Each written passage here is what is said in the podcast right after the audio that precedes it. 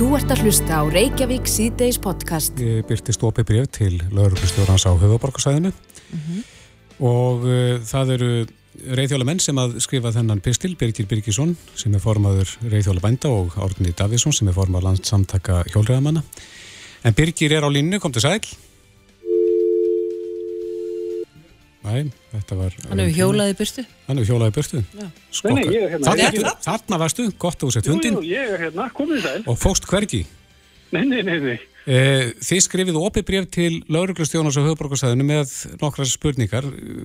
Hvað viljið þið fá að vita frá lauruglustjóranum? Já, það er eins og kemur fram fremst í greinni, það eru hérna þrjú atriði. Mm -hmm. Fyrst og fremst er það það hvort einhver hafi hugsað sér að gera eitthvað til að framfylgja svo kallar eins og hálsmetra reglu, ég skal útskýra eftir augnablikk hvað ja. það er.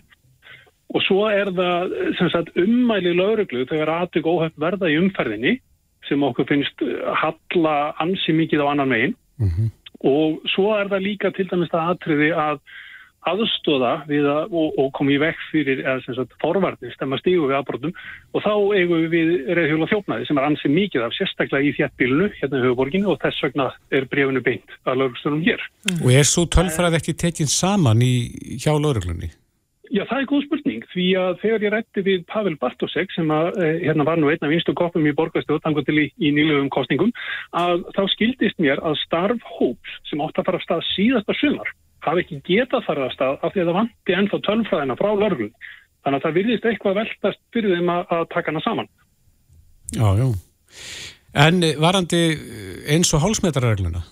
Já, það kannski ágætt að ég útskýri fyrst hvað það er. Mm -hmm. Þannig að við nýlega heldar endurskoðun umfralaga sem að tóku gildi 1. janúar 2020, sem er 2,5 ár síðan, þá var sett inn lagagrein eða, eða málsgrein í, í hérna lagagrein sem að byggir á reynslu þjóða í kringum okkur mjög víða sem er það að við framúrækstur, framúr hjólandumferð, þegar maður eigur vélknúnu aukvitæki framúr hjólandumferð, það skulum maður hafa að lámarski 1,5 metra í millibil. Mm -hmm. uh, og, og þá er áttu við millibil, ekki að maður rækja 1,5 metra frá vegkant eitthvað svo leiðis, heldur bílið á milli hjólandi og akandi síðan lámarski 1,5 metri. Og þetta byggist náttúrulega bara á uh, því að auka öryggi, því að uh, ef að hjólaðumar er svo óhefina að detta, að þá er ekkit víst að hann sé svo tillitsamar að detta út fyrir vega eða beint framfyrir sig. Þannig að til að auka öryggi að þá er haft þetta öryggi spil. Mm -hmm. Er þess ekki framfyllt? Það yfir höfuð ekki. Uh, það er uh, ekki stæmi, allaveg ekki sem við vitum af, að nokkur hafi nokkur tíma verið sagt að það fyrir það. En innan okkar græsvölda samtaka eru margar sögur af því að það sé fulltarf á því. Svo er það þannig að sumir hjólaðamenn, alls ekkit allir, en sumir eru með svona lítla myndavélar á, á stýrunni hjá sér, sérstaklega það er að fara þeirri lengri ferðir og svo leiðis, mm -hmm. svona GoPro vélar það líka og það er til slatti á upptökum af bara lífsættilegum framræstri og þegar að mál eru kæri til örglu og bóðið að aðfenda svona gögn með kærunni, þá er því íðulega hafnað. Og mm. ástæðnir er ég að tilgreina í, í greinni þannig að fólk getur bara lesið um það og við veitum ég... fyrir okkur hvers vegna því að, því að það er engin góð skýring á Nei, en nú veit ég að við að erlendist þá eru svona skildi við vegi til að minna bílstjóra á Þessa, en hafið þið farið fram á það að vegagerðin eða önnu bæjarfjölu setja upp svona skildi við vegi, þjóðvegi? Ekki ennþá, ekki ennþá, nei, en við bundum ákveðna vonir því að það er starf í gangi þar sem á að uppfæra umfæðamerkja á Íslandi og er verið að leggja fram tillögur um viðbætur, þetta er núna í samáðskátt stjórnvalda, en starfsópur sem að undirbýr það letur ekki dætt í huga bæta þessu skiltinu. Mm. Þannig að okkur finnst einhvern veginn okkur alla bjargir bannaðar. Til þess að vera fullkomlega heðalegur og sangjarn og þá var það þannig að þegar að reglan tók gildi að það setti samgöngustofa fram stutt myndband sem var notað á samfélagsmiðlum en það er ekki á nokkur nátt í sama gæðastæli og annað sem samgöngustofa hefur látið frá sér mm -hmm. og ekkert hefur verið gert síðan af því að við getum orðið var við. Þannig að okkur finnst ekki nógert til þess að framfylgja þessu og við óttumst að það sé verið að býða eftir döðarslýsinu áður en bröðust er við. En Birgir, nú eru margir á ferðalegu, margir hjóla uh, svona á þjóðvegum landsins og eru þá vantarlega margir hverjir á, út á vegaukslinni.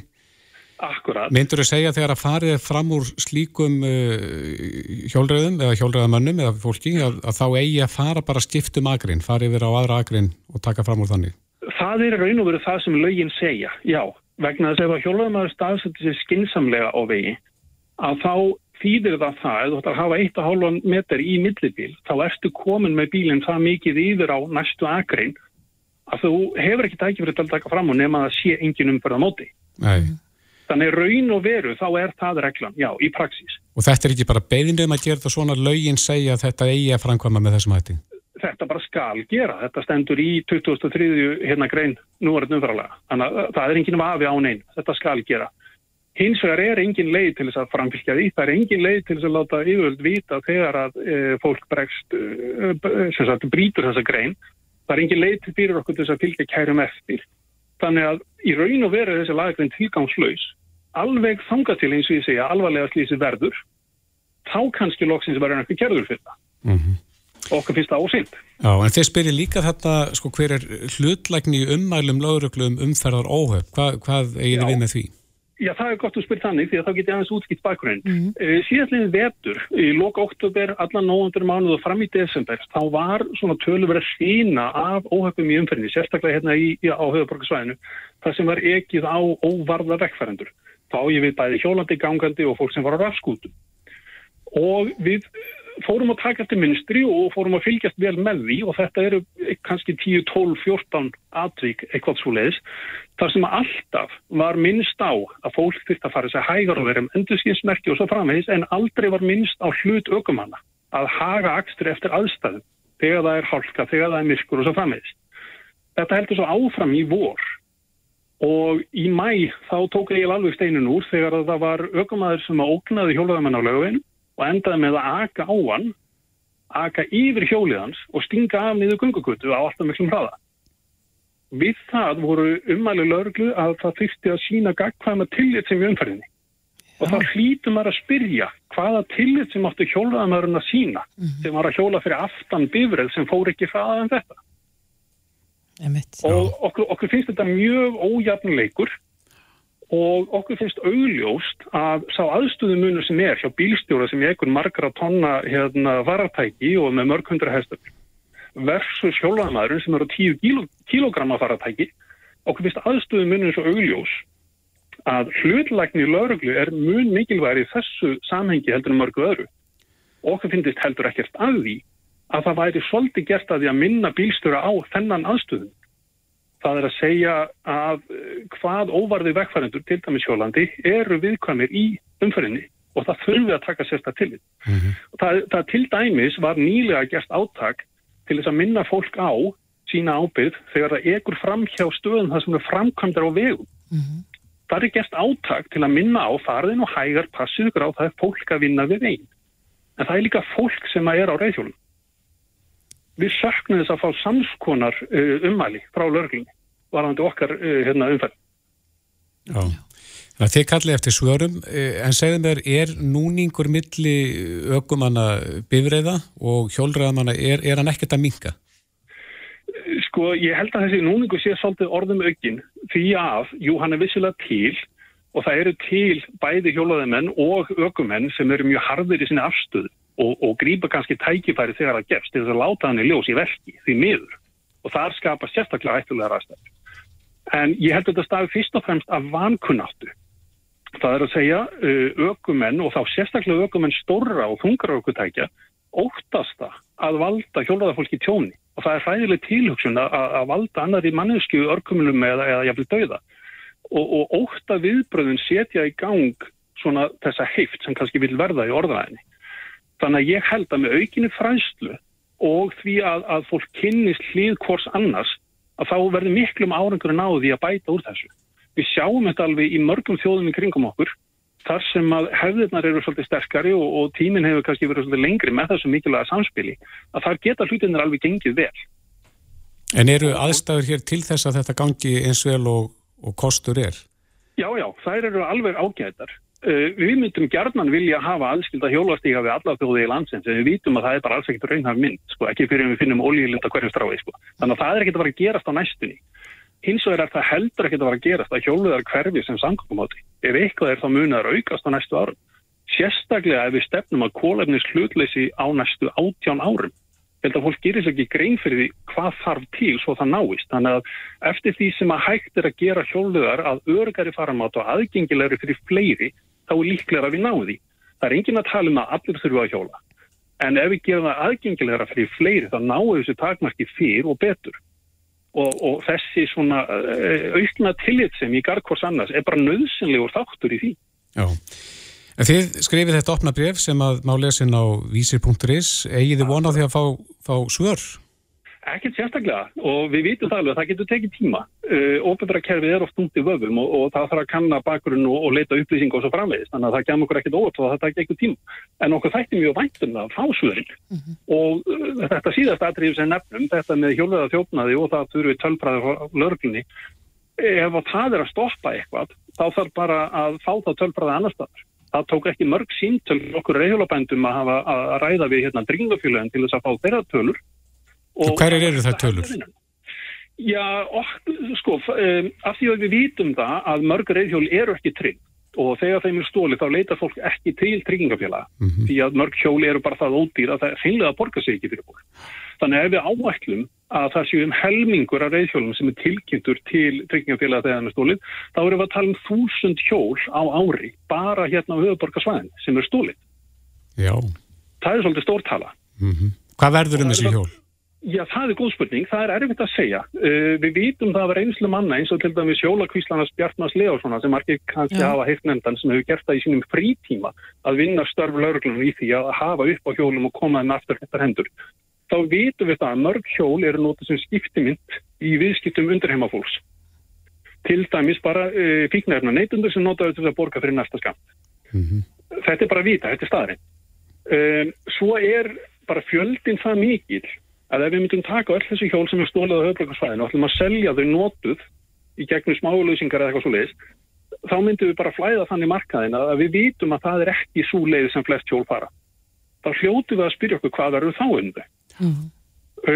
Það hefur verið uh, talað um og það hefur að minnstakosti einu sinni fundist gámur á leiður landi sem var fullur af hjólum.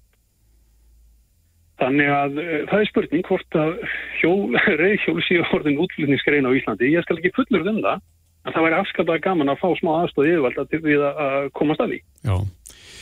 Birgir Birgisson, það má eins og ég segi, lesa eh, spurningarnir ykkar á greinina nánarinn á vísir.is. Þú ert formaður reyðhjóla benda, þetta er, er þetta ekki félagskapur á fésbókinni? Jú, þetta byrjaði sem opin hópur á, Facebook og er núna nálgast 8.000 meðlumi mm. en við erum líka orðin uh, alvöru félag með skráðakennetölu og fólk sem að skráða sem félaga og, og það er að styrkja þessa starfsemi okkar og hagsmannu bara til fyrir sjólaða fólk þannig að það er um að gera fyrir fólk að, að kíkja á, á hópin okkar og sjá hvort það vil taka þátt. Já, kæra þakki fyrir spjallið. Takk fyrir það. Þú ert að hlusta á Reykjavík C-Days podcast. Matalastofnun hafi borist tilkynningum grunum Brucella canis, mm -hmm. bakteríusýkingu í hundi. Já. En grunur um slíka sýkingu hefur ekki komið upp áður hér á landi. Nei. Á línunni er Vigdís Tryggvadóttir, sérgreina dýralæknir hjá MAST. Kom til sæl. Sæl, sæl bless. Uh, Farnaði að sé við það með okkur, hvaða sýking er um að ræða þarna? Já, þetta er sem sagt... Uh, bakteríusíking uh, Brucella canis heitir hún mm. og er sagt, uh, fyrst og fremst vandamál í hundum og leggst á svona ægslunafæri mm. í mhm. hundum og veldur, veldur þessum alvarlega, eða þess að já, fóstuláti og vandana og veitbröðkvolpum og, og fleira. Hvernig, hvernig smitast þetta mittli í hunda? Fyrst og fremst með pörun. Það er svona helsta smitlegin en svo auðvitað eins og við vitum þá eru hundar oft uh, já, svona mjög nánir og þetta er svona slímhúð við slímhúð mm. uh, smitt en pörun er svona aðal smittlegin Einmitt Hvenar, ja, hvernig tellið þetta hafi smittast hinga til lands? Uh, við erum svo sem ekki alveg komin með það á hreint við erum náttúrulega það, það er þessi hundur sem var fluttur inn fyrir rúmum tveimur árum og hérna og bara eftir öllum reglum og með rétta pappira og allt það og, og eitt af því sem að þarf að vera á hreinu er að, að það sé ekki brúsela kanis finnist ekki, mótefni fyrir því mm -hmm. uh, og það var uh, neikvægt mm. og hérna uh, en aftur er þessi bakterja þess aðlis að, að það getur liðið tölur langu tími uh, frá því að hundur smitast og þar til hann fer að sína einkenni eða, eða mótefni já, í já. mælingum. þannig að það er spurning hvort það, það sé tilfelli í þessu já, eða, mm -hmm. já en við bara erum ekki alveg búin að reykja það 100% Nei, en við heyrðum orðið smitt rakning mikið á COVID-tímabilin er fer fram slíkt í svona tilfellum Já, það gerir það mm -hmm. og við erum búin að fá töluvert af upplýsingum um, um hvaða hunda þessi, þessi tiltekni hundur hefur umgengist og, og það er náttúrulega bæði þeir sem er svona náðu sannleiti og það er þótt þeir sem eru á sama heimili og, og svo eins líka í pörun sko. Og er búið að taka síni úr þeim hundum? Úr þeim, þeim, þeim flestum, já. Mm -hmm. En ekkert, ekkert komið fram sem að sínir svona útbreyðslu?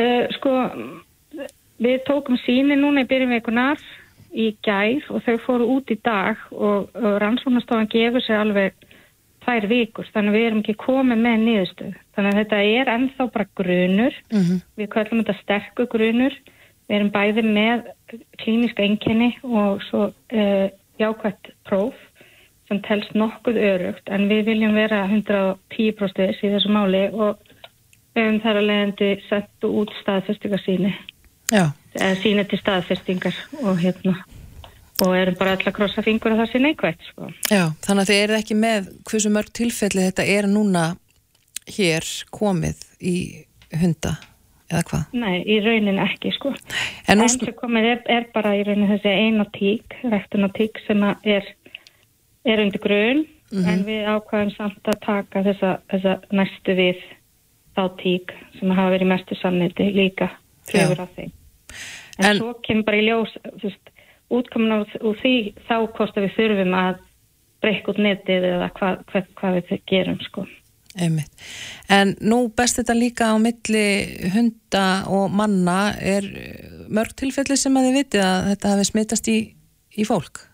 Uh, nei, þetta það hefur aldrei greið hér á landi og þetta smittast sjaldan í fólk og hérna og við höfum ekki miklar áhyggjur af því en það eru þessir áhættu hópar eru þá hundaræktandunir og dýralæknar sem að koma að fæðingahjálp hjá hundum sem eru síktir og eins líka annar hópur eru þeir sem vinna á rannsóknastofun mm -hmm. og eru að taka við sínum og vita ekki að það sé grunus um brúsella þannig að, þetta eru svona áhættu hóparnir og við náttúrulega við höfum verið í samskiptum við þá aðil og þeir eru upplýstir en, en, en aftur við býðum bara eftir að það, þetta verður staðfyrst sem það verður vonandi ekki og, og út frá því þá hérna vinnum við það mál í góðri samfunnu við hérna göngu til smittsjókutúma á landsbytalunum og, og sóttarnarlækni og þau í rauninni taka þann bolt alveg. En veitis, hver eru enginni hjá fólki sem að smittast af þessari bakteríusíkingu? Þau eru í rauninni ekki mjög sértækt, þú veist, það er þessi flensu líku enkenni hjá, hjá þeim sem veikast svona flestir, svona hiti, hollur, beinuverkir uh, og... Það leggst þetta eftir á ægslun að færi fólks? Uh, ég, það er ekki mörg dæmi til um það, en það er, sko, brúsella hefur með margar undutegundir og það er þekkt að það er svona meira þekkt síkingar af, af brúsella sem að fyrir finnst meira í, við sjáum í nautgripum, sögfjö og svoleiðs geitfjö að, að það sé að fara og valda hérna fósturláti og, og, og veikburða fóst, fóstur. Mm -hmm. eða veikburða börnum hjá, hjá fólki.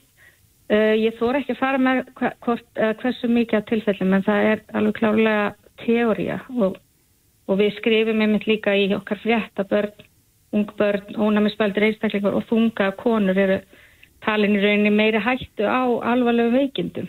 Einmitt. Er, er þetta að lækna þetta ráða síklarlif við þessa bakteríu?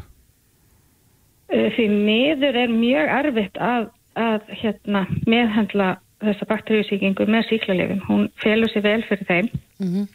og, og, hérna, og það er ekki hægt að trista á það að, að síklarlifa meðhandlun hérna losi hunda við þessa bakteríusíkingu því miður. En hvað er þá hægt að gera?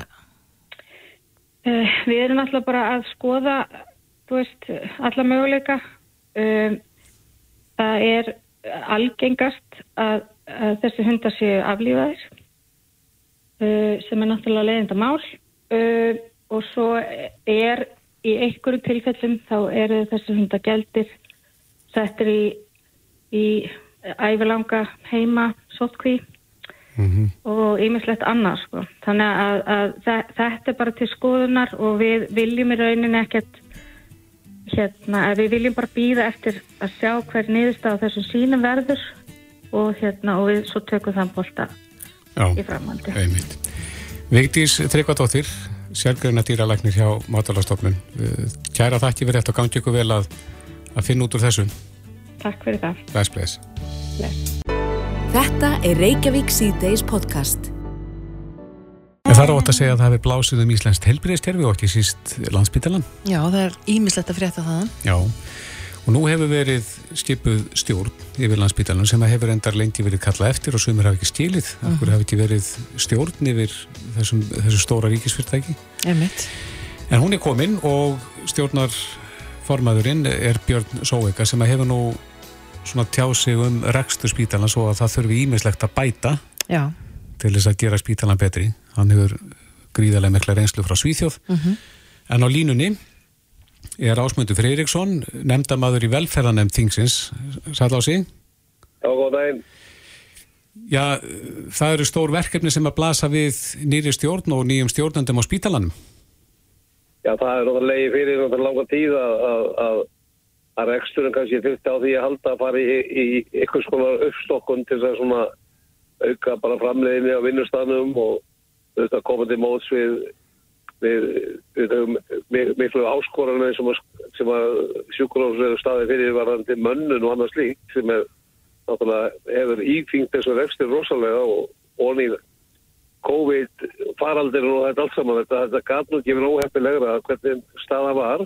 Mm -hmm þannig að hérna ég segi fyrir mig sem að var alltaf mjög mikil áhuga maður um það að það er stjórnsettir í spítalan þá finnst mér það mikil fengur fyrir okkur að, að fá Björn Sóður sem ekki veit að hennar vextur mjög vel var hann að yfir sjálfur til 2013 og síðan til Svífjóðar og hefur hérna gert ótrúlega góða luti þar sem að, sem að við erum að vona að hann geti með tíu og tíma á svona góðri stjórn og frábæra þarfandi stjórn og og þetta flottur starfsliði náð, náð því að hagraða þannig að, að, að, að við stittum bygglistana sjúk, sjúklingarnir að sjúklingur líði betur og, og starfsungurinn starfsbólsins verður þetta manninskilega við veitum að það er ekki nógu gott. Já, en uh, þetta hefur nú farið öfugt ofinni suma, þessa tillegur Björns og hann hefur nú talað um það að það sé ómikið að millistjórnundu þarna það þurfa að fækka þeim svona, og, og fjölga þá þeim sem að koma beint að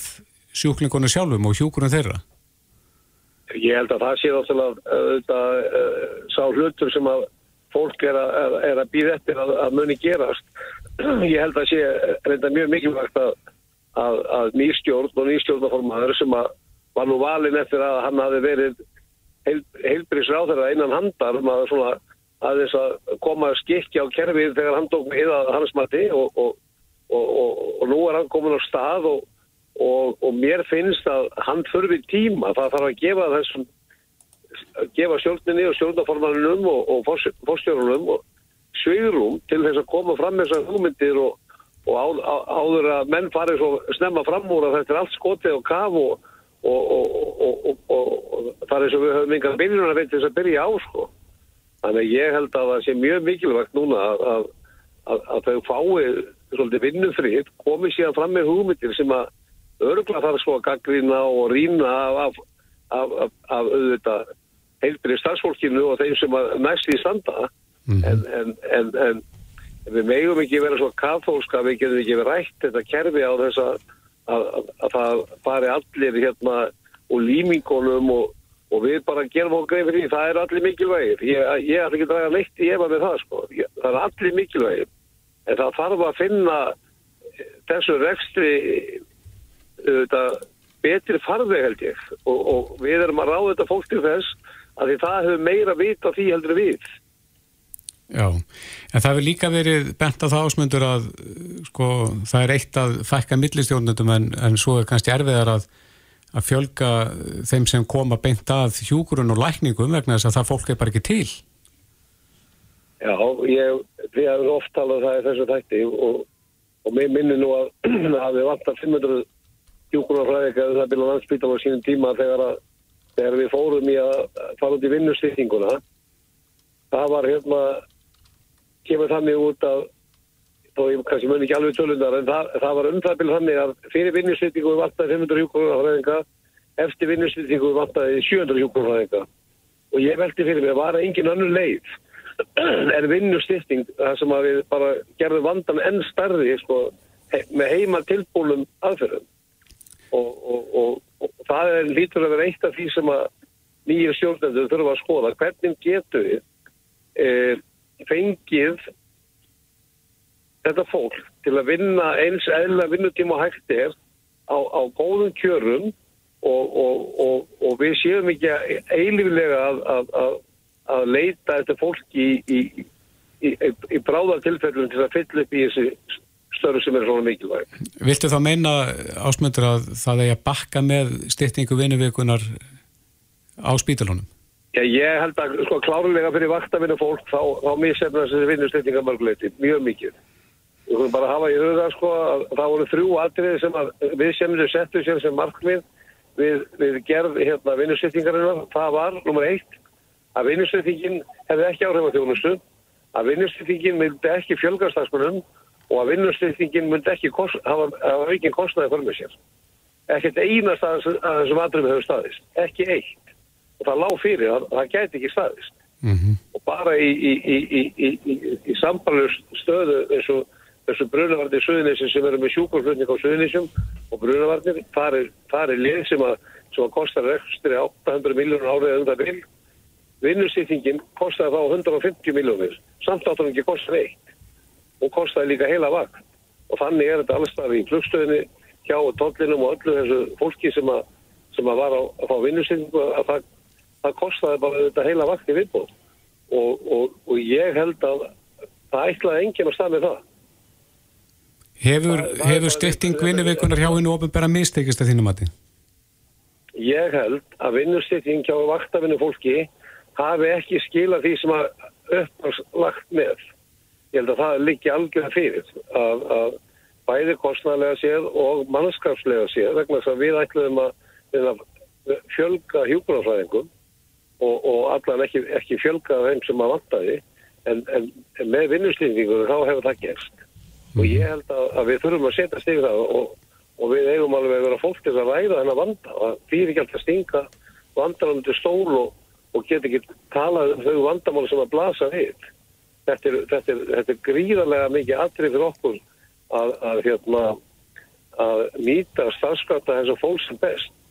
Það verður þetta að vera allt undir, undir hófi og hefur alls ekki verið síðustu tvö árin eða þrjú eða jafnveg lengur.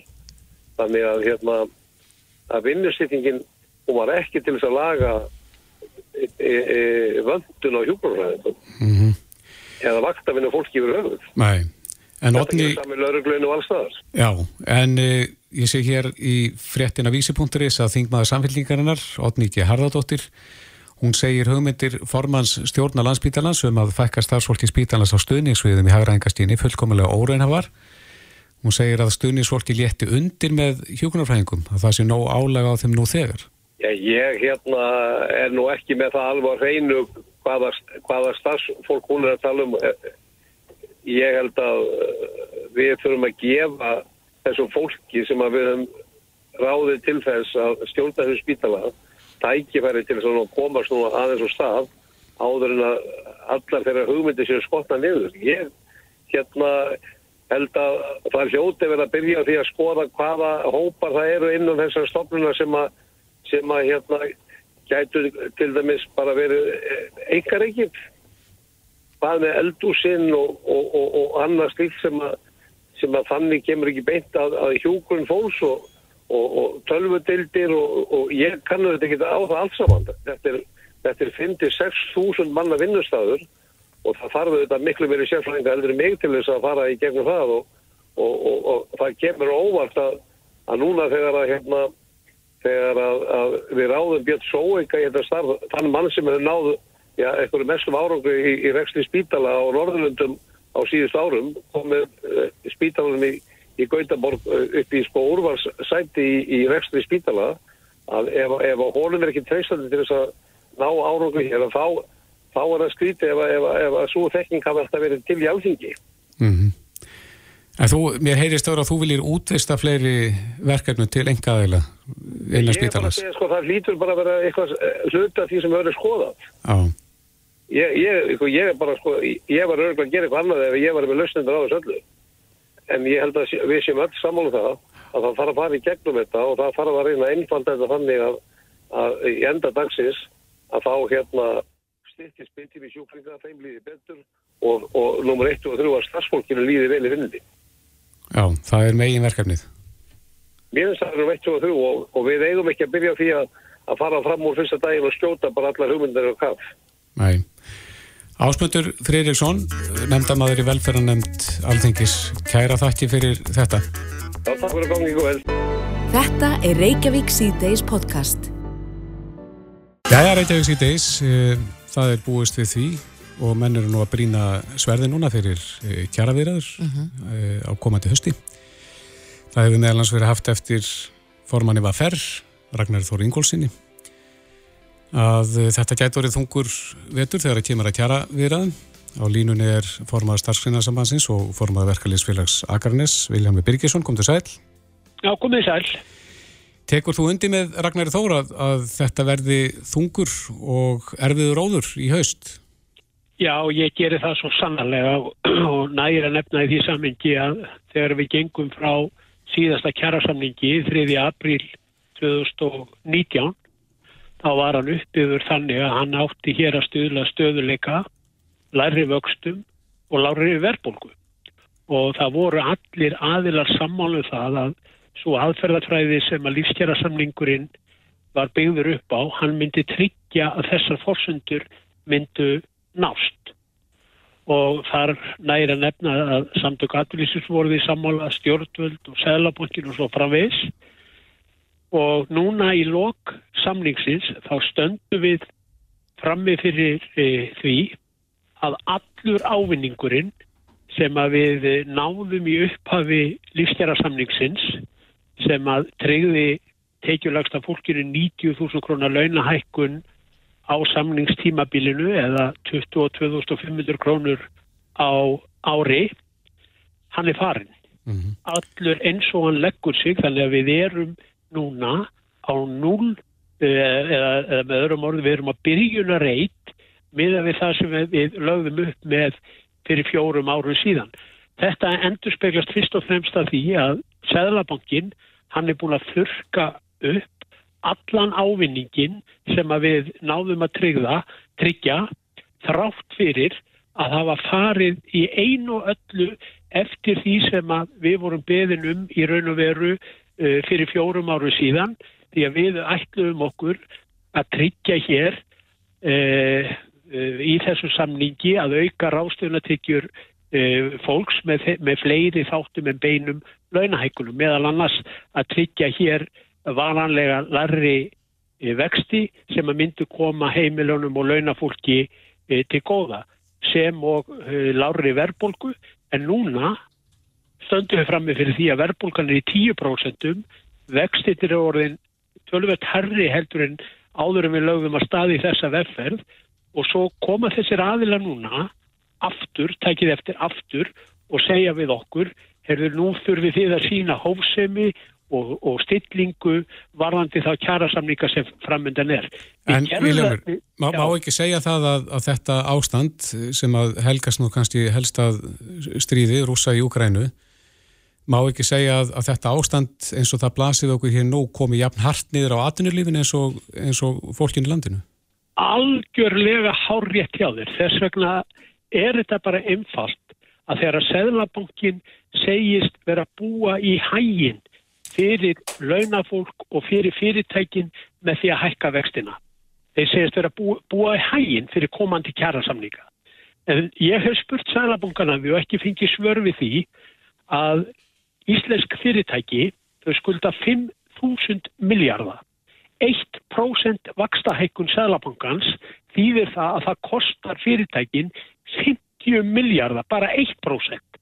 En þeir eru búin að hækka uh, stýrivextina um sko 3,75% uh, á, á síðustu tveimur árum. En í hvaða vasa á þá að sætja þessa hækkanir? Í, í hvaða vasa? Já. Í fyrsta lagi, ef að Sælabankin myndi hafa vit á því að vera ekki með þessa stýrivægsta hækkanir því eins og kom fram í frétt á vísíkjær að þá blasir það við að hækkandi vakstastíg mun auka vakstatíkjur bankana verulega. Það er bara að vera með vakstahækkunni er verið að færa fyrir frá skuldsettum heimilum og fyrirtækjum yfir til fjármálakerfisins og ég velti því fyrir mér hvers vegna Sæðalabankin og stjórnvöld líka verðast slá meiri skjaldborg og verja fjármálakerfið e, meira heldur en í raun og veru sko eh, hvernig er verið að verja einræðistjórnina í, í norðu kóru. Það virðist alltaf að vera þannig að það er slegin skjaldborg utanum fjármálakerfið á kostnaða almennings og, og, og, og fyrirtæki því að þetta kemur, sko vakstahækun kemur sér líka mjög illa fyrir fyrirtækin og ég skil ekki samtökum aðlýsins sem segja það að hér muni allt fara fjandans til ef við göngum hér frá kjærasamningu sem kostar kannski 50, 60, 70 miljardar en þeir segja ekki einast orð þó að vera íþingja fyrirtækjunum með því að hækka hér, hér vexti sem kostar kannski jafn mikið og kostar að ganga frá kjærasamningum á hennum almenna vinnumarkaði. Já, ég, mér, og, þú er bendið þarna á Sælabankan og, og hefur ofinbyrra, Þur, þurfið þið þar að segja verkalýsreifingin og, og samtöku aðeins að snúa bökum saman? við sendum, og ég skor á ykkur og hlustandur líka, að lesa greinina sem að ég og Ragnar Þór Ingólfsson formaði vaffer skrifum í oktober 2021. Fyrirsögnin var neyðarkall. Við vorum með neyðarkall til Sælabankans. Við vorum með neyðarkall til stjórnvalda um að nú fyrstu að setjast niður og finna lausn á því hvernig við getum varið heimilinn, hvernig við getum varið fyrirtækinn gegn þeirri vaksandi verbulg og hugsalögu vakstahækunum sem framönda væru. Það hefur enginn tekið upp síman eða haft sambandi við okkur til þess að fara yfir þær leiðir sem við bentum á þar. Enginn. En svo þegar núna á að fara að ganga frá kjærasamningum núna í haust, þeir eru búið að þurka upp allan ávinningin og það er alltaf þannig að þegar að e, e, þessar álögur dinja á almenningi að þá er það heimilin og launafólk sem á að bera ábyrðina og tækið líka eftir því að, að þessar vakstahækkanir sem dinja fyrirtækjanum, hvert verð það? Það fyrir bara beint út í verðlæju á endanum er það neytendur og heimilin og launafólk sem þurfast líka standa ströym á því og það er bara komið nóg af þessu og þessu til viðbútar að það eru einu aðiladnir sem ekki fóru eftir því móteli sem við tókum ákvörðinu um í lífsgerðarsamningnum um að ganga frá uh, krónutöluhækkunum þar sem við einblítum á þá sem væri tekilagstir efsta lægið stjórnundur fyrirtækja og sveitastjórnar eh, hérna menn eða, eða, eða bæjarstjórar og sveitastjórnarfólk þetta þykir til hugar að ganga frá kjærasamningum í anda þess sem við gengum frá. En það likur til dæmis fyrir að 20 Uh, fyrirtæki í kaupöldinni 20 fórstjóra sem þar eru þeir hækkuði launum á síðast árum 444.000 á mánuði á meðan að við sömdum um 24.000 krónur. Já, rétt í lokina þegar við erum fallin á tíma bara örstutt nokkra sekundar svar. Uh, hvenar byrja átökin? Hvenar, hvenar þurfa menn að fara að setjast niður og, og tala saman? Við þurfum náttúrulega þurft að vera að byrja en við þurfum að byrja mjög fljótlega og ef þetta óréttlætti verður ekki leiðri með afgerandi hætti í komandi kjærasamlingum þá sé ég ekkert nema eina leið það er að launafólk tekja höndu saman og segi hingað og ekki lengra. Viljami Birgisson, kæra þakkir. Reykjavík síðdeis á Bilginni podcast. Spurning hvort ef það hefði verið ráðist í það verkefni á sínu tíma hvort að, að... Það var allavega að tala um þetta fyrst 1989. Já og svo 2003 voru þessi áhuga samtök ægistir stofnuð. Mm -hmm. og við ætlum að mynda að tala við hann um, Eithor Harðarsson sem að er fyrirhandi stjórnamaður í ægistirum og nú verðandi bæjafulltri í, í eigum, kom til sæl. Já, góðan daginn, góðan daginn. Já, það var heit umræðan þetta á sínu tíma hvort það ætti að bóra göng millir lands og, og eiga og þið lögðust í smá rannsókn á því hvort að það væri físilegt Já, það var sko á þessum tíma hérna 2003 þegar að félagi var stopnað, að ég stýr svona áhuga manna félagi um, um meðtengingum millir lands og eiga. Mm -hmm. Þá var þá var svona vinna í sjá samgöngu yfirvöldum sem sagt að fara að móta og, og, og, og kanna hvaða framtíða samgöngur muni henda vestmannum best og þá var, þá var flögið inn í myndinni herjólfur, náttúrulega þóllásöfn eða, eða landegaröfn eða höfn ykkur staðar allir byrjuru mm. og þá fórum við í þessa vinnu til þess allan að hafa þá gangna kostin sem með í þessar umræðu og, og, og settum á stað þetta félag og fengum alltaf, byrjum á því að fá hagfræðistofnun HÍ með okkur í, í lið til að til að búa til eða, eða búa reikna út þjóðarslega svona arsemi að, að gera gangnana og, og það kom í rauninni það vel út að, að áhugi okkar jógst mikið við að reyna þá að kanna kanna raunmjörulega möguleika á, á, á gerð slíkra ganga. Að hvað leiti kom það svona vel út? Hvað, hvað var það sem að? Já sko, það var í rauninni bara það var bara miða við svona tölur sem voru þá, við erum að tala um 2003 og þá var verið að tala um reynsluna af svona göngum bæði í Nóri og, og, og, og á Íslandi að, að þá voru menna svona spá í það að, göng hérna á milli myndi kosta 25 miljardar mm -hmm.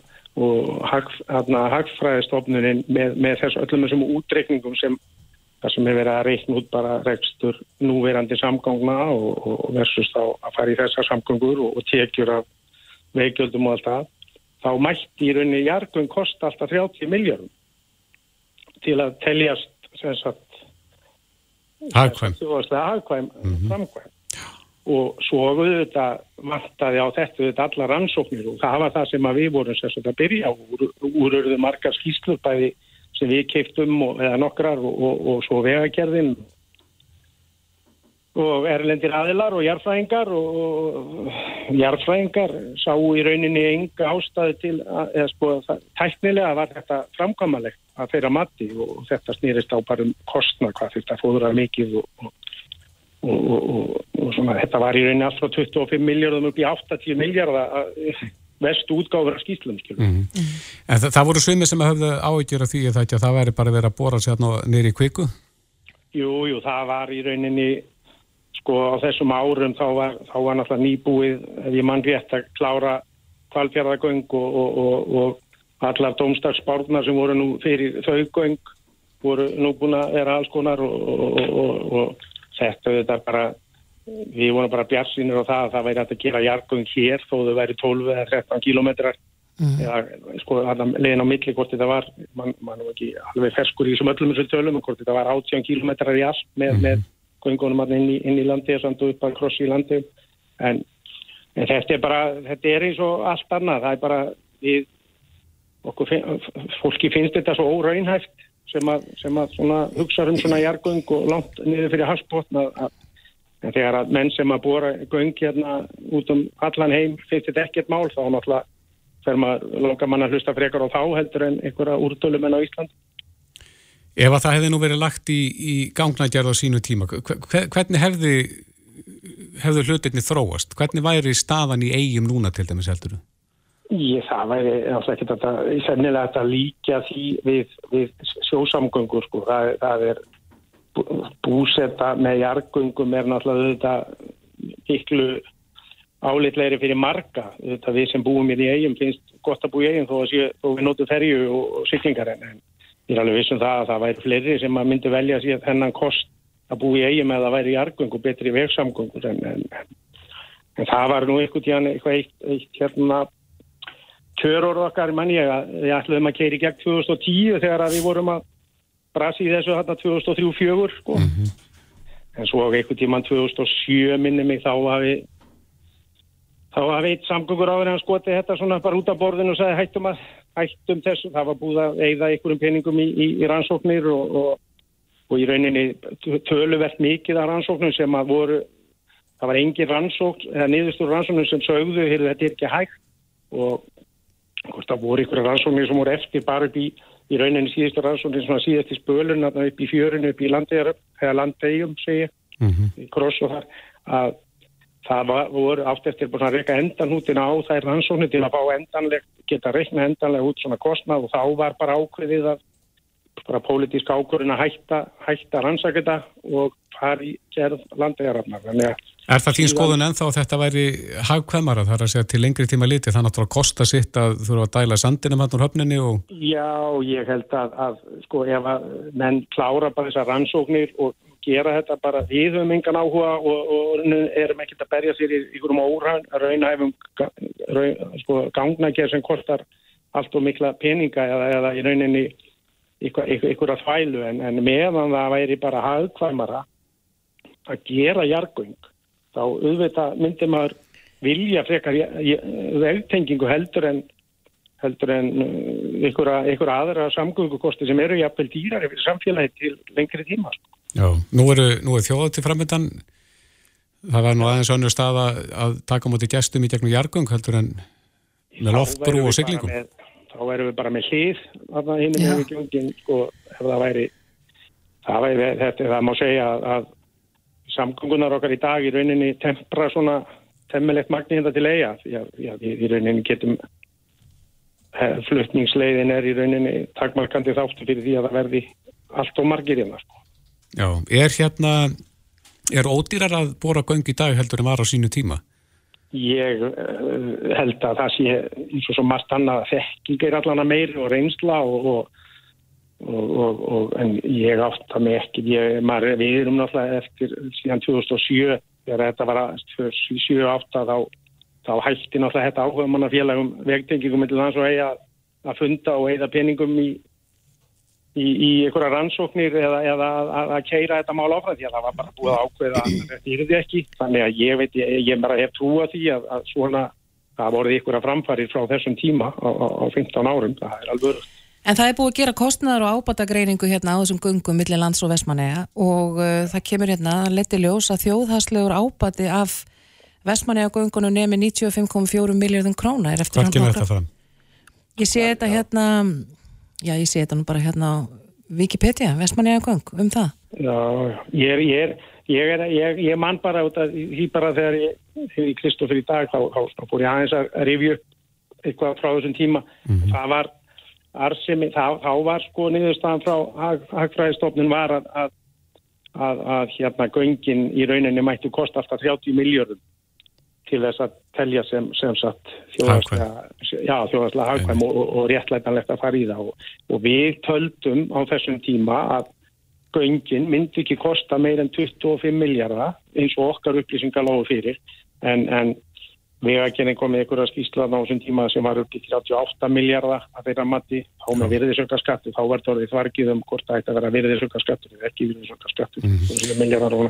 þannig að þetta er þetta bara þeir sem vildu ekki fá göng og, og hafði ekki trúa því þeir reynda að tjúna kostnaðin upp í umræðinu og, og, og við sem vorum að reyna nú bara að vinna faglega að þessu við vorum í rauninni ekki að reyna hendan einu ríki í augun og fólki heldur bara að reyna að fá staðrindi fram og það er það sem að í rauninni við fórum fra, eða, sko, sko áskorun á, á yfirvöld núna bara í, í okkar nýju bæjastjórn núna er að, að bara að að menn klári þessar rannsóknir sem að, og kannast þess að tísileikan á, á, á hérna gerð hérgangna millir lands og eiga bara því að þetta eru, 50, ég veit ekki hvort það kosti 50 til 100 miljónir að, að klára þessa umræðum um, og kostnaða með þetta svona göng því að þetta er ég held að þetta sé ekki gemvísindi sko, þetta er, þetta er bara, þetta er jarvísindi sem, að, sem að eru þekkt og menn vita hvernig ná að rannsaka þetta. Heldur þú, svona því að þessu umræð kemur alltaf upp annars lægið, heldur að þú er eftir að akka í degnum göng mitt í lands og eiga?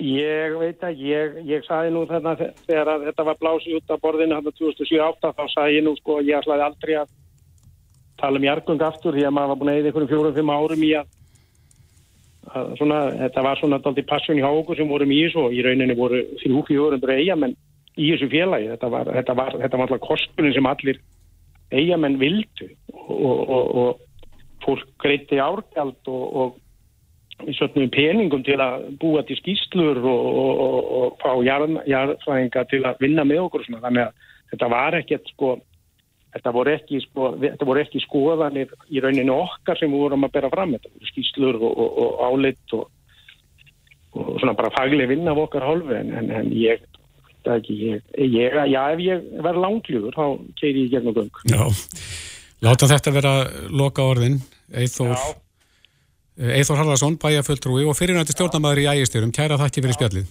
Takk fyrir, bless. Hlustaðu hvena sem er á Reykjavík C-Days podcast. Jæja, enn eitt svikamálið komið í dagsljósið og nú er það landsbankin sem er þar undir. Já. Í það minnst að fals, falsustýla bóð sem að lít út fyrir að vera frá landsbankanum og reyndar hafa þessir net þrótar í gegnum tíðin að verið mjög brattir. Þeir hafa til dæmis falsað pósta sem eiga að vera frá lauruglunni sjálfurinn. Mm -hmm. En eh, til að ræða þetta nýjasta málin að koma til okkar Gísli Jökull Gíslason, rannsókn lauruglumæður. Sæl, velkomin. Takk fyrir að mér. Eh, ég sagði þetta áðan að þegar að jafnvel verið svo býrafnir að, að setja upp falska síður í nafni lauruglunar. Já, við kallum það vefveðar, það er þú sendur út svona massa mikinn post og við erum búin að sjá sem sé hann í þremur útgáðum þar sem að Sigriði Björk segist þar að ekki að vera ríkislauglustjóri sjálfur. Mm -hmm. og posturinn herst þess efnis að þú sett með barnaklám á tölunniðinni og þú er að afgreða með sekt sem átt að greiða samstundis eða verði dómsmál eða það verði gert ofinbært mm -hmm. og í raun og hefur ekkert gest, það er enginn búin að setja neitt á tölunna en það bara er búin að senda þér þennan post en við vitum til dæmis með hákvæðin hóp fólk, sérstaklega eldra fólk, það líður í öskaplega illa að vera sakað um að vera að gera eitthvað svona og það sem að likur að baki fyrir þá sem eru að standa sundlinu er vonin um það að meðan fólk er í svona óvissu og, og sjálfgjörðu svona áfalli að það bara einfalla sendi þeim þessa peninga sem þeir að byggjum mm -hmm. og taka sig við þeim og koma þeim undan og þetta er umlega ákveðt og skildi nefnudagnar þess að þarna er verið sé, að nota okkar nafn í fölskum tilgangi mm -hmm. og það er nákvæmlega sama sem er að gerast með landsbankan núna. Landsbanki sjálfur, það er ekki sjálfur sem þeirra kerfi sem er að klikka eða nýtt sem þeir hafa gert, heldur bara að hafa þrjótanir valið að núna að koma fram í þeirra nafni. Mm. Það, að því að nefnir hérna landsbankamálið, eh, mér skilst að þetta sé óvinnu vandað í, í þetta sinn. Er þið ferðum fram? Já, við erum að fá svona, lögurlega fæ svona um 20 tilkynningar á dag um einhvers konar nöðglæfi. Sumt alvarlegt, sumt minna alvarlegt og við bara svona flokkum það og það gefur okkur alltaf mjög góði yfirsinn hvað er gangi á hverjum tíma. Og við sem flokkum þetta förum með í leftu kerfi þar er allan sérstaklega vönduð eða líklega til að virka út af því að hún svo vel þau hugsuð eða tíðnin orðin svo rosalega mikil að við þurfum að fara að bregðast því líka og senda út viðvarnir bara þannig að fólk áttist á því að þetta er ekki alvöru minni átt og brót og verðum við bara að leiða hjá okkur því að þú mátt ekki gera eins úlfur, úlfur, þú mátt eiginlega ekki alltaf við, við gætum básum okkur um einasta degi en þá höfðum við ekki neitt svigurum þegar við höfðum eitthvað sem höfum raunverulega ráhugjur mm -hmm. Hvað er það þið hafið þá raunverulega ráhugjur núna? Já, þetta, sko, það sem að þú segir er nefnilega alveg rétt. Það sem gerist þarna er mjög vönduð alla ég skal aðeins útskýra fyrir hvernig hún virkar vegna þess að sínur einu bara hástíði sem er á þessu. Það eru sem sé glæpahópur og við erum með allar fórsöndu fyrir því að ætla að hann sé starfandi í Evrópu og utan Íslands. Og þessi glæpahópur hefur haft fyrir því að skoða banka á Íslandi. Og þarna hafa það sér haft sér í landsbankunum þannig eru búin að búa til síður sem eru alveg eins að flestu leiti þar að þú sem venjulega notandi finnst eins og sért ennþá í þínu rétta viðmóti. Mm -hmm. en þeir ekki senda tengilíka síma eða SMS eins og leys það sem þeir gerðu þarna og er eiginlega bara galið vandað er að þeir ruggla vefleitavélar, leitarvélar á netinu eins og Google og aðra. Þannig að ef þú ætlaði að heimabanka einn og þú skrifaði inn á vafraðin til að byggja hann um að finna það þá komið þerra síður á undan raunveruleg síður. Hvernig náður því? Hvað, hvað þurfa að gera til þess að ná þeir, þeim tökum? Það eru nokkur atriði sem er hægt að gera en, en í raun og veru er þetta mjög vöndu manipulation, þetta er mjög vandað sem það gera baka þetta, þess að venjulega tekur það nokkara vikur fyrir leitavílar að endur raða sínum skilabóðum annan hátt en þeim tekst eiginlega að hlaupa fram fyrir það með því að nota eiginlega bara alveg eins síðu en svo er þeim er ruggl í raun og veru léninu sem það fer til þess að nettslóðun sem það ferð á sem gerða verkum að leitavél myndi lesa hana undan þeirri sem er raunveruleg.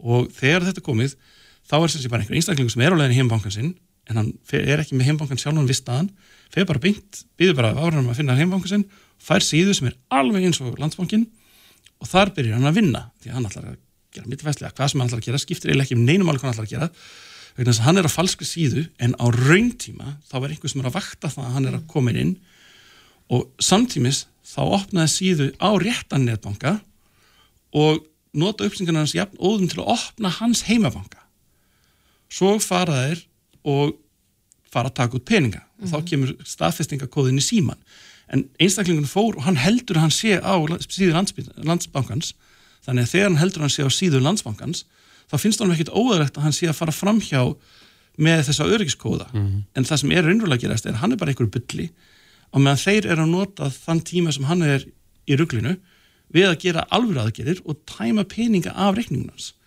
og uh, sama tíma sko þeir hafa haft fyrir því að skilja hvernig landsbankin virkar þeir vita hvernig síðan ára upp sett og þeir eru búin að undurbúa greiðslunett til að taka við þessum greiðslum sem þeir eru að stela út á saman tíma Hefur eitthvað lendi í tjóni út af þessu í dag?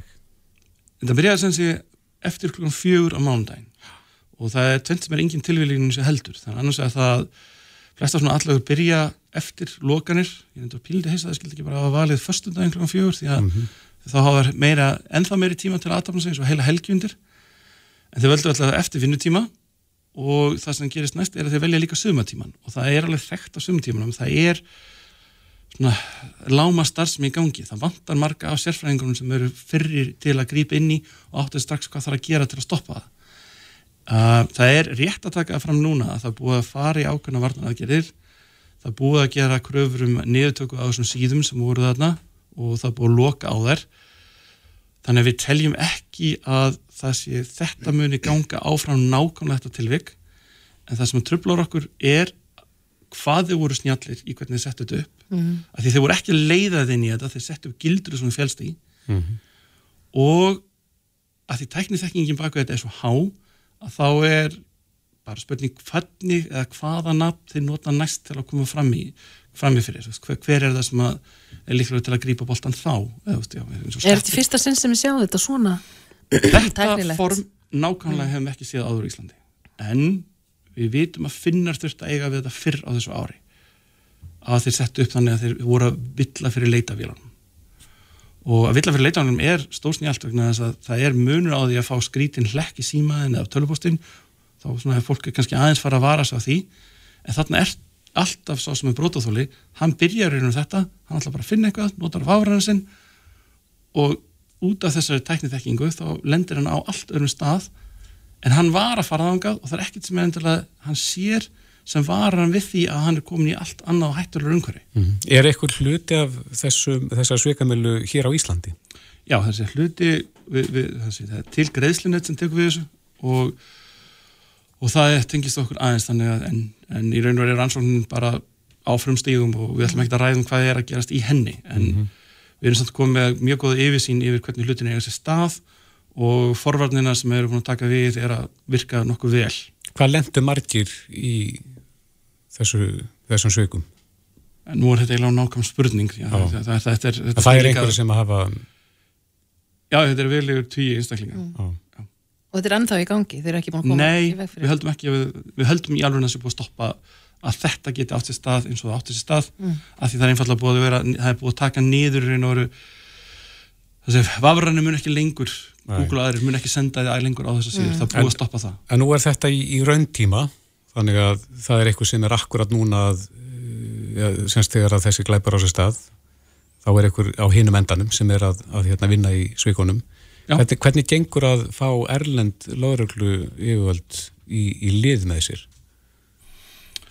Það er einmitt eitt af því sem kannski gerir nefnglæpi mjög flókna er að refsilögjöf er bundið með hvert ríki fyrir sig. Við erum sannlega með samstarf á sem sviðum, við erum með Interpol, við erum með Europol við erum með samstarfið aðra lögjaldstofnunir en það er mismöndi hversu vel að gengum millir landa og svo eru þarna ákveðin lönd sem eru bara ekki stakk búin til að reyna að vera að annað þessu umfangi sem fylgir netklapum og við þurfum ekki að leita lengra heldur en til bara annar Evróparíkja sem það er umfang netklapa svo rosalega mikið að það er eftirlistofnun og lögjaldstofnun sem það eru að reyna að vinna sem mest í forvörnum mm -hmm. því að þú nærði ekki að elda alla þræðina sem þú upp í henduna, það var ekki til mannskapu til þess En svona að þetta er svo vandað, hvað getur fólk gert til þess að, að falla síður í svona gildur? En svo segir að fólk er bara í sagleysi sín að fara inn á vafran og leita heimabankunni sínu. Er, er eitthvað hægt að gera til þess að minga líkunar því að falla í þessi gildur? Já, það kemur um það því að akkur þessi glæpur er svo sérstaklega hættulegur að því að það er ekkert þarna sem venjulegur einstaklingur er að gera sem hann er kannski óvanur að gera eða býst við að koma þessar átt. Það er auðveldra að vara fólk við að vera ekki opn tengla í postum og símum því að þá eru verið að draga því nýja. Mm -hmm. þarna er eigin frumkvæði leggur á stað í ferð það sem að fyrsta stíði er raun og veru gildra. Uh, núna sé, Hvaða vafri var notaður í þessu? Það er ekki, ekki það, það, það, það fóru og, og tókur raun og alla megin vafrana það er Google, það er Firefox það er bara, við getum náðast talið vafrana, það er bara raun og virkaði sama aðferð á flesta vafrana að þeir tóku alltaf þessa síður á undan. Er ykkur vafri örugar en annar? Nei, ég myndi ekki alltaf í þessu samhengi sem einn vafri sem er örugar en annað, en það væri kannski örugar eins og þú myndir alltaf venjaði bara á að fara alltaf á síðu bankanstins, ekki nota ekki þetta millistig, ekki googla undan. Þú, þú ert hjá einhverjum banka þá er yfir slóðin bara nafna bankanum.is og ef þú sérð þá er ágætt að, að hafa svona annað auga á því að horfa á hvert slóðin er að fara ef, ef hún fyrir alltaf að vera enginleg það stafabrengl eins og þeir eru veljað að tróða einn staf sem kannski færið á framir í stafróðu heldur en mm. nafn landsbankans, setja í á rangan stað sleppa enni, þú veist bara að nafnið kemur allt upp fyrr í stafróðunni mm -hmm. en þá er samt brenglun í þessari slóðu sem þú vanur að nota en ég myndi halda þessi alltaf sem pílindi var að nota áræna og sérstaklega þegar það er búið að opna á þetta að, að þarna eru glæfmenn sem sjá það að þeir geta hlautið inn í og farið inn í aðgerð sem þú hefur af eigin frumkvæði mm. en þú þarf líka bara í raun og vera á netinu þarftu eiginlega að vera temjað hæfilega tortrækni sem er svo að ganga ekki út frá því að þú sért á réttum stað nefnum þú sért eiginlega bara hausuna mm. En svona netglæpir, þetta er að verða algengar og algengara. Já. og maður er eftir að sjá svona meira í annari mynd, fleiri bankar póstur og sími þegar svo talaður um áðan. Er þetta bara það sem er bara að fara að kollriða öllum heiminum, meira og meira? Það er það, það er bara, við, við þurfum ekki að giska á það eða segja þessi tilfinningar það er bara mælanleg staðrind að umfang netgleipa Þannig að við erum aldrei örgur önni Nei og neti náttúrulega er hefur svona fullkomna frjálsa umhverfi sem því það líka að þeir sem stundar glæpi er í mjög miklu frjálsaði þarna. Það er engin net lörugla í þeim skilningi Nei. að netið er vilt að vestrið algjörlega. Emitt. og það er verið að reyna að setja um hluti eins og tvekja þátt á auðkynningu en, en þú sér hvernig þið fara fram hjá tvekja þátt á auðkynningu þarna. Þú setur fram tölnægin og heldur og setja lendi einhverju vesin okkur í óskapnum nærði ekki að gera aðgerðinar og þú ert alltaf að vera að slá inn kóðan og símanegin til þess að komast lengra í þínu forræti þegar í raun og verið er það sem er að gerast er það að þeir eru að rugglaði bara yfir á, á þessum síndarheimi sem þú ert. En kóðanir sem þú ert að samþekja er raun og að samþekja það að þú ert að samþekja millifæslur mm. á alvöru reikningin mm -hmm. Þannig að þeir sem lendi þessu eiga ídrykað að tala við ykkur og kæra þetta. Tala við laurugluna Já, mjög mikið átt að tala við bæði bankansinn og laurugluna og hérna það skiptir líka mála fyrir okkur að að vita að þessu, þó upphæðin sé ekkert endilega há í hvert tilviki, þá kannski skiptir mála við vitum hann sem fyrst, því að þá sjáum við að þessi alla er í gangi. Mm -hmm. En það, við þurfum aðeins að móta okkur bara við að hvað við ætlum að gera með þetta vegna þess að, að það, það sem netglafum enn gera er að þeir leita alltaf að nýjum leiðum. Og svo dettaði niður á leið sem þeir alltaf inn að finna er alveg rosalega skilvirk. Og við erum alltaf að bregðast við og reyna að þróa aðferðir á móti. Og það er ekki bara að tala um laurugla, það er líka bara að tala um það sem sjáum net er ekki almennt. En, en við getum ekki alltaf séð fyrir allt sem að mönnum dettur í huga að gera og þeir sem eru á stundu þessu glæpið, þetta er, er yðnaðar sem hleypur á miljardum bandaríkjadólara og það sem afverðin þeirra er sem sé bara vöruþróun sem er sem sé hvernig svindlum á fólki, það erum við að þróa. Mm -hmm. Ísli Jökull Íslason, kæra þætti fyrir að fara yfir þetta með okkur og við náttúrulega hvernig fólk er að sína varkárni á netinu. Kæra þakkir. Reykjavík síðdeis á Bilginni podcast